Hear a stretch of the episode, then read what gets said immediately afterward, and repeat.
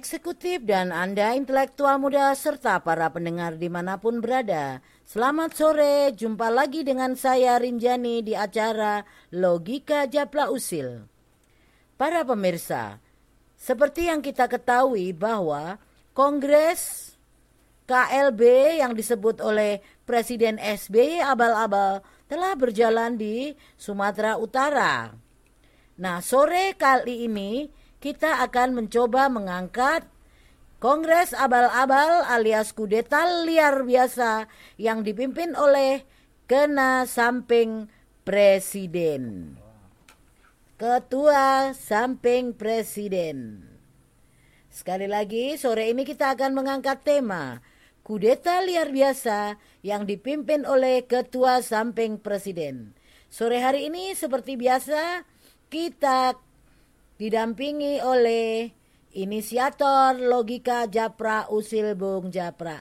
Selamat sore Bung Japra. Selamat sore. Halo, apa kabar? Aduh, semakin rame ini ya. Suasana politik kita semakin memanas. Banyak orang-orang pada linglung. Semua pada mencari posisi. Kongres liar biasa yang dipimpin oleh ketua samping presiden telah merasa berhasil.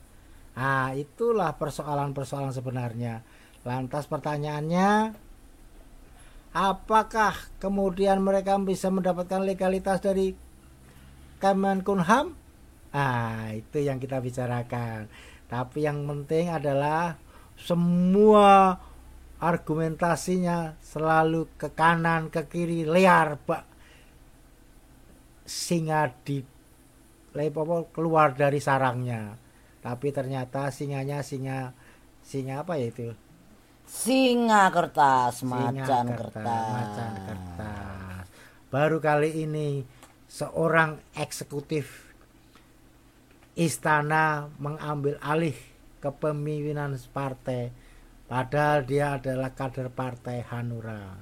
Itu namanya orang masuk rumah orang tanpa permisi terus mau menjual rumahnya kan gitu. Mm nah persoalan sekarang adalah nasi telah menjadi bubur mereka oh. sudah sudah tidak menjadi tauladan bagi rakyat Indonesia mereka juga sudah tidak menjadi pertimbangan-pertimbangan moral bagi generasi muda politik yang digunakan adalah politik nekat. Sabar dulu, sabar dulu, tahan, jangan emosi, jangan emosi. Emosi tidak boleh. Kita tetap harus bisa menikmati suasananya dengan segar, santai. Politik yeah. itu menyenangkan. Yang tidak menyenangkan memang perilaku politisinya, kan yeah. begitu. Cocok. Nah sekarang ini rame-rame karena kan ada istilah kalau uh, orang Myanmar sama-sama jenderal Aung San Suu Kyi dikudeta oleh jenderal Myanmar. Tapi kenapa jenderal kita kok hanya sanggup mengkudeta nah, ketua partai. Ini piye ini coba? Itu karena faktor ya kekuasaan tadi. Orang yang sudah merasa berkuasa, bahwa kekuasaan itu candu ternyata. Hmm. Hmm. Jadi ya tidak berani kudeta presidennya ya kudeta ketua partainya. Ah, nah, nah, nah yang menariknya apakah Mulkidi ini sejak awal sadar bahwa sesungguhnya uh, dia itu tidak peduli semua sebab misi utamanya adalah bukan untuk mengambil alih kekuasaan kerajaan seberang tapi untuk membuat kekacauan. Uh, kalau analisa dari Bung Japra Usil sendiri bagaimana? Itu sebetulnya hal yang sangat lucu. Pada saat sudah ketahuan bilang ngopi-ngopi. Hmm. Ternyata ngopi kudeta. Setelah dibongkar semuanya bilang siapa saja boleh saja datang ke rumah itu kan hmm. dari foto-foto iya. ternyata coba kita nyoba datang ke rumah beliau boleh nggak ya tengah ah, malam 24 jam kita datang pasti diusir oh gardu RT aja kalah ya inilah bagaimana caranya seorang pejabat yang tidak punya etika moral melakukan manuver politik dengan mengorbankan sejarah panjang. Ya, sabar dulu. Apakah dengan ketidakpedulian Mukidi ini sebab atas restu tuannya ataupun ada jaminan-jaminan dari orang-orang di sekeliling tuannya? Suka atau tidak, persepsi masyarakat pasti seperti itu. Oh. Satu bukti yang paling dasar adalah ketika acara kongres liar binasa itu dilakukan, mm -hmm. eh di sana ada kerumunan tidak dibubarkan. Nah, itu dia. Tapi lihat, banyak acara kegiatan perkawinan aja sekarang di operasi masker. Ya. Terus kemudian yang menarik lagi, sok Satgas di sana diusir sama panitia. Hmm. itu lebih lucu lagi. Oke, oke, oke, oke. Gitu. Jadi banyak adegan-adegan yang menggelitik hmm. ketika kita melihat seorang pejabat mengambil alih ketua partai orang mm-hmm. yang dia sendiri bukan kader. Iya, itu bagi sebagian orang mengatakan bahwa uh, banyak orang menghujat dan mungkin Mulkidi sendiri berprinsip bahwa biar orang lain menghujat asal tuannya memberi restu maka itulah yang terbaik bagi dirinya. Toh dia bekerja bukan ada tuannya, bukan pada orang-orang yang nyinyirin. Ya persoalannya sekarang pertanyaannya pembiaran itu ada. Tapi persoalan pembiaran itu sebetulnya mosok tidak ada yang tahu. Ya pasti tahu wong acara itu kayak keluar kordeta liar, liar binasa itu sudah diketahui banyak orang kok. Bahkan sampai data tiket ke Medan aja sudah ada. Ya, mungkin mungkin dia berpikir bahwa, ha, saat sang tuan tersenyum tanpa menyalahkan, itu maknanya adalah restu sudah didapatkan. Ya, itu kan persoalan klaimnya dia aja. Hmm. Gitu. Yang jelas adalah sekarang banyak muncul meme yang menarik hmm. bahwa saya senang misalnya ada istilah merebut suami orang dinamakan pelak pelakor merebut bini orang dinamakan hmm. pebinor Iya. Kalau merebut partai orang dinamakan muldokor. Iya, iya. Mungkin bagi si Kang Mul sendiri bahwa ah buat apa aku malu dengan hujatan. Toh sekarang kekuasaan di negeri ini berada di tangan tuannya. ya Lagi pula semua perangkat hukum akan ada di bawah ketiak tuannya dan Mulkidi. Makanya yang namanya sebuah kekuasaan itu candu. Jadi kalau kita melihat bahwa apa yang dilakukan oleh kepala samping presiden itu adalah menunjukkan kapasitas orang ya. untuk berpolitik sangat rendah sekali. Ya, cuman kan Mulkidi sudah membuktikan bahwa lihat saja bagaimana sang tuan bebas menyelenggarakan acara dalam kerumunan massa tanpa ada tindakan dari penegak hukum negara. Padahal di kerajaan yang sedang berlaku kerumunan massa, larangan itu hanya berlaku untuk orang-orang yang tidak sejalan dengan kerajaan. Atau... Contoh HRS dan lain-lainnya. Kalau sang tuan dan dan pendukungnya yang buat acara, semua larangan tak berlaku. Itulah yang mungkin membuat Mulkidi makin memantapkan langkah dan makin percaya diri saudara-saudara. Itulah makanya ini kalau bisa dikatakan bisa jadi di, orang balas, oh ini tugas negara. Lah, semua seperti di NTT kemarin, hmm. tugas negara tapi membagi-bagikan buku.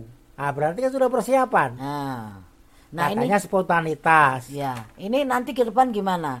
Kalaupun toh nanti aksinya Mulkidi dipersoalkan di lembaga penyidang tabir tapi ya tabirnya itu biasanya kita tahu sendiri tebang pilih mungkin mungkinkah ia perlu khawatir nah lembaga itu juga ada di bawah kendali sang tuan malah fenomena sekarang ini lembaga penyidang tabir sedang getol-getolnya mencari celah untuk membela Mukidi seperti yang dikatakan oleh Menko Pulham. Nah, Anda sendiri bagaimana ini? Jadi gini, setelah ketahuan belangnya kemudian mencoba membelokkan isu-isu yang tidak substansial Isunya apa contohnya? misalnya kemudian mau cari-cari bahwa Hmm. SBY bukan pendiri Heeh. lah Terus gak ditulis juga SBY kawin berapa kali? iya makanya terus kedua bahwa AHY tidak demokratis. Oh. Lah, pertanyaannya sekarang ini persoalan ADART-nya itu sudah disahkan oleh Menkumham tahun 2020. Nah, kita, kita kembali ke persoalan itu. Kalau kita kembali ke persoalan itu, akhirnya kita tanya, apakah dia punya hak menyelenggarakan KLB atau tidak? Hmm. Orang masuk rumah aja itu masih ketok pintu. Hmm. Assalamualaikum. Iya. Permisi. Kula nuwun. Lah kalau ini kan masuk rumah orang bukan ketok pintu. Iya. Tapi Ini mbobol. ibaratnya gini loh kalau zaman Ken Arok ini membuat keris. Lah dia masuk rumah orang, mengambil kerisnya itu orang tidak mem- tidak bersama-sama membuat keris kok mau mengambil keris begitu ketahuan sama si pemilik kerisnya dia kan mengatakan ini saya dikasih sama pembantu yang sudah kamu pecat Ya. Makanya yang harus kita pertanyakan bahwa para peserta KLB itu sendiri ternyata setelah acara itu selesai di sebuah video viral di sebuah minimarket depan pembagian uang. oh Jadi ada uang. ongkos Ongkos. ongkos Gitu. ongkos balik Nah, itu. Makanya ongkos berangkat yang kita pertanyakan adalah ongkos makan ada yang menarik lagi. Foto seorang kepala samping presiden dengan mantan koruptor Nasarudin. Hmm. Wah, kita akhirnya terbongkar semua kan. Oh. Siapa bandar di belakang itunya? oh Gitu. cukup Nah, jadi duit yang dulu dicuri itu masih ada. oh Gitu loh. Kemudian dia ingin merebut itu untuk menjatuhkan bahwa wah ini adalah politik keluarga. Lah, sejarah Oh. kapan sih Indonesia nggak ada politik keluarga? oh Sejak dari Soekarno sampai sekarang ada. eh eh Pak Japrak Pak Japrak sabar ingat Mulkidi itu bukan orang bodoh loh pangkat terakhirnya adalah pengawal utama harta pampasan sebelum ditarik dalam masuk lingkaran di ujung jalan Tamrin itu Nah, dia kan juga kita harus bertanya juga bagaimana keterlibatan mereka di dalam kasus kesalahan Jiwasraya, oh Asabri. oh. Itu kan juga banyak beredar, KPK datanya juga banyak. Nah, persoalan sekarang pertanyaan adalah tadi ketika dia masuk rumah dengan cara bobol, itu kan garong namanya, Hmm. gitu loh. Orang yang tidak pernah paham etika. Politik itu adalah kita harus bisa memahami menggunakan akal sehat, menggunakan etika dan moralitas. Hmm. Oh, kemudian isunya dibelokkan lagi. Wah, ini dulu SBY juga terlibat dalam persoalan kasus Ah. PDIP, PKB, tapi dia nggak paham Mm-mm. bahwa persoalan internal mereka itu adalah persoalan internal Iya. orang partai, ya bukan orang inilah eksekutif. negeri para begal Nah, negeri para begal itu paling begal cocok. satu dana bankos dibegal Ya. dua dana asabri dibegal tiga Jiwasraya. Jiwasraya diembat BPJS. keempat BPJS digarong terakhir Partai Demokrat dibobol. dibobol Nah, inilah cara-cara mereka yang tidak menunjukkan sebuah sikap politik yang bisa dipertanggungjawabkan. Iya. Artinya, saya menduga ini kan sebetulnya ada pertentangan di tingkat elit. Mm-mm. Jadi madam itu sekarang lagi perang dingin. oh Kemudian madam itu marah oh karena yang namanya kadernya banyak yang ditangkap. oh Yang terakhir adalah Gubernur Sulawesi Selatan. iya Ah, dipertanyakan kok seperti itu. Air Nah. susu dibalas dengan air tuba. Di sinilah kemudian akan membelokkan isu-isu korupsi. Lah barangkali dengan Partai Demokrat seperti ini, isu korupsi bisa tertutup. Sementara nggak pernah ada seorang apa kepala samping presiden mencari Harun Sariku, Saiku, oh, Ah. Harun Masiku, Heeh. ya kan? Mm-mm. itu adalah orang yang hebat habis melakukan gara- gratifikasi komisioner KPU ditangkap dia punya ilmu Mm-mm. ilmunya menghilang wah jadi ilmu Udah itu kayak ini apa? Zaman pewayangan nah, Bathara Yudo. nah jadi menggunakan ilmu menghilang Mm-mm. dengan cepat dan seksama Oh. dan tidak ada yang mempersoalkan di lingkaran mereka coba saya tanya apakah lingkaran mereka semua termasuk pemujanya selalu bicara korupsi Tidak. Tidak ada karena bagi Pokoknya mereka cuma dua hebat dan hebat sekali, Nah. cocok dan cocok sekali. dan yang salah pasti SBY Iya. Anies Baswedan Iya. Nah, lainnya itu pokoknya benar dan benar, benar sekali. Sedih sekali, Bung Japa aku ini. Tega-teganya bantuan sosial dikorupsi, padahal rakyat miskin hampir mati. Berkedok menjual lobster ke luar negeri, ternyata untuk mengeruk komisi hanya demi berbelanja barang mewah dan tingkatkan gengsi. Waduh berat kalau politik sudah pakai gengsi itu berat Nah, itu. Saking gengsinya bahkan yang lebih ironis lagi partai politik pun dibegal Hmm. dan dikudeta kuasa diambil paksa tanpa moral dan etika ini masih mending loh mas begalnya hanya membegal partai lah ini kalau begalnya nanti sempat mengedor yang memberi yang mempunyai partai bagaimana itu Mas? Wah, sekarang ini justru menarik. Di beberapa daerah, informasi yang saya terima itu ini kan persoalan SK Kemenkumham Mm-mm. yang sudah disahkan. Kok tiba-tiba harus dibelokkan kanan kiri yang Iya. tidak jelas. Ini persoalan yang Iya. sebetulnya harus kita kita lihat. Lah, di balik itu semua terjadi kelucuan-kelucuan politik. Kelucuan itu dari mana? Kelucuan itu dari ya tadi saya bilang orang-orang yang memang memiliki atau punya bakat keinginan berkuasa. Nah, ini mental-mental Erlander sebetulnya. Hmm, nah sekarang gini loh.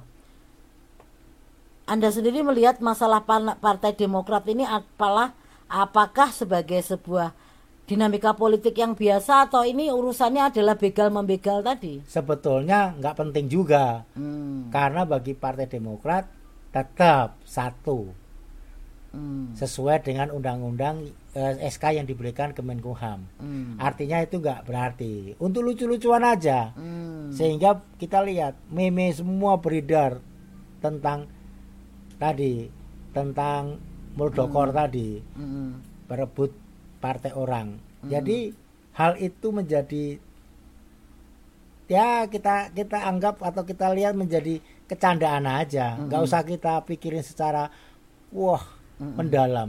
Kenapa?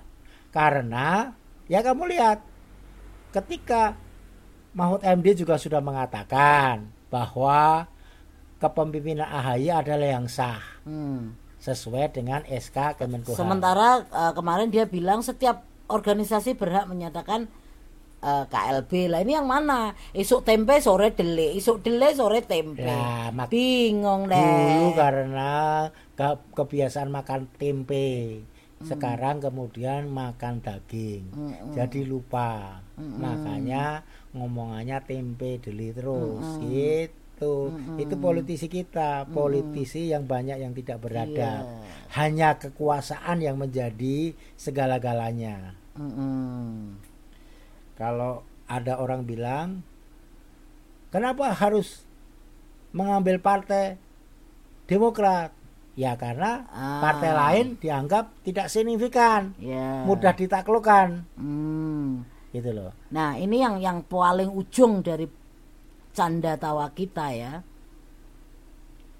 Dari canda tawa kita, menurut Bung, haruskah Mulkidi ditetapkan oleh ketua ataupun oleh tuannya itu harus diberhentikan.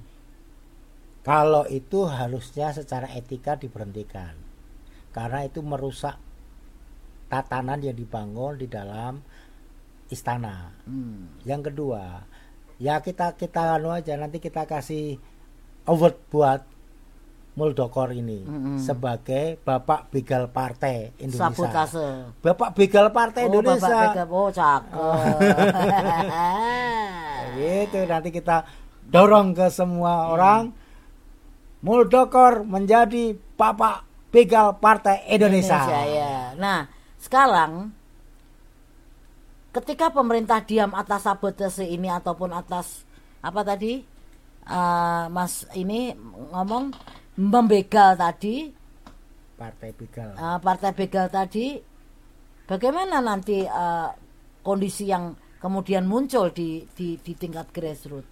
Nah kalau di tingkat grassroots justru ini kesempatan untuk memfasilitasi hmm. keresahan rakyat. Ya. Mimbar bebas yang terjadi di DPP itu jangan dijadikan itu sebuah guyonan. Ya. Itu akan membesar dia nggak ingat bahwa Partai Demokrat ini punya 34 DPD, okay. 500 14 DPC ah. belum ranting. Bagaimana ya. yeah. kalau mereka semua melakukan sebuah aksi di kantornya, yeah. kemudian itu menjadi sebuah kekuatan baru untuk menjadikan rakyat berbicara? Mm -hmm. Ya kami nggak tahu. Nah, ada yang mengatakan bahwa akan sangat baik jika presiden tanpa berjeda segera membebaskan tugas Mulgidi dari KSP, kecuali kalau sang tuan itu ingin dikenang publik merestui langkah Mulkidi dalam membegal partai tadi. Menurut Anda gimana itu? Ya kalau ini sampai ke persoalan ke pengadilan, pasti kalahlah KLB ini. Secara karena secara konstitusional dia nggak kuat. Yang kedua, ini kan sebuah alasan saja kalau menurut saya. Kenapa di manage? Ya tadi sebagai sarana untuk membelokkan sebetulnya isu korupsi yang menyangkut masalah Hmm. karde partainya Madam. Ya, yang menariknya adalah bahwa Jenderal Purnawirawan tersebut secara resmi ditetapkan sebagai Ketua Umum Partai Demokrat periode 21-25 dalam Kongres luar biasa yang mengklaim dari Partai Demokrat yang digelar di Hill Sibolangit Jumat 5 Maret 2021. Namun anehnya saat ditetapkan Mulkidi ini belum hadir di acara tersebut. Namun pimpinan sidang yang diketuai Jolin Allen, Johnny Allen sempat menghubungi Mulkidi melalui telepon dengan peng- pengeras suara. Apakah apa eh, mereka menanyakan kepada peserta KLB atas keseriusan amanah tersebut. itu kan sebetulnya drama kecil Oh. yang nggak perlu kita kita bahas kenapa drama itu biasa supaya kesannya bahwa wow heroik Iya. padahal yang nggak ada apa-apanya Iya. sekarang yang penting itu adalah inilah Bapak Begal Indonesia Begal Iya. Partai Indonesia ini Mm-mm. sebetulnya sudah masuk dalam wilayah menjalankan program untuk menutupi kasus korupsi. Nah, Saya menangkapnya itu saja. Iya. Jadi pesan adalah Bapak Begal Partai Indonesia ini kemudian menjadi cara baru yang sudah akan bergulir terus lama untuk menutupin kasus korupsi yang ada. oke. Dan sebagai penutup, Bapak Mulkidi mengatakan bahwa oleh karena desakan dari arus bawah, entah bawah mana itu bawah meja atau bawah amplop, Pret.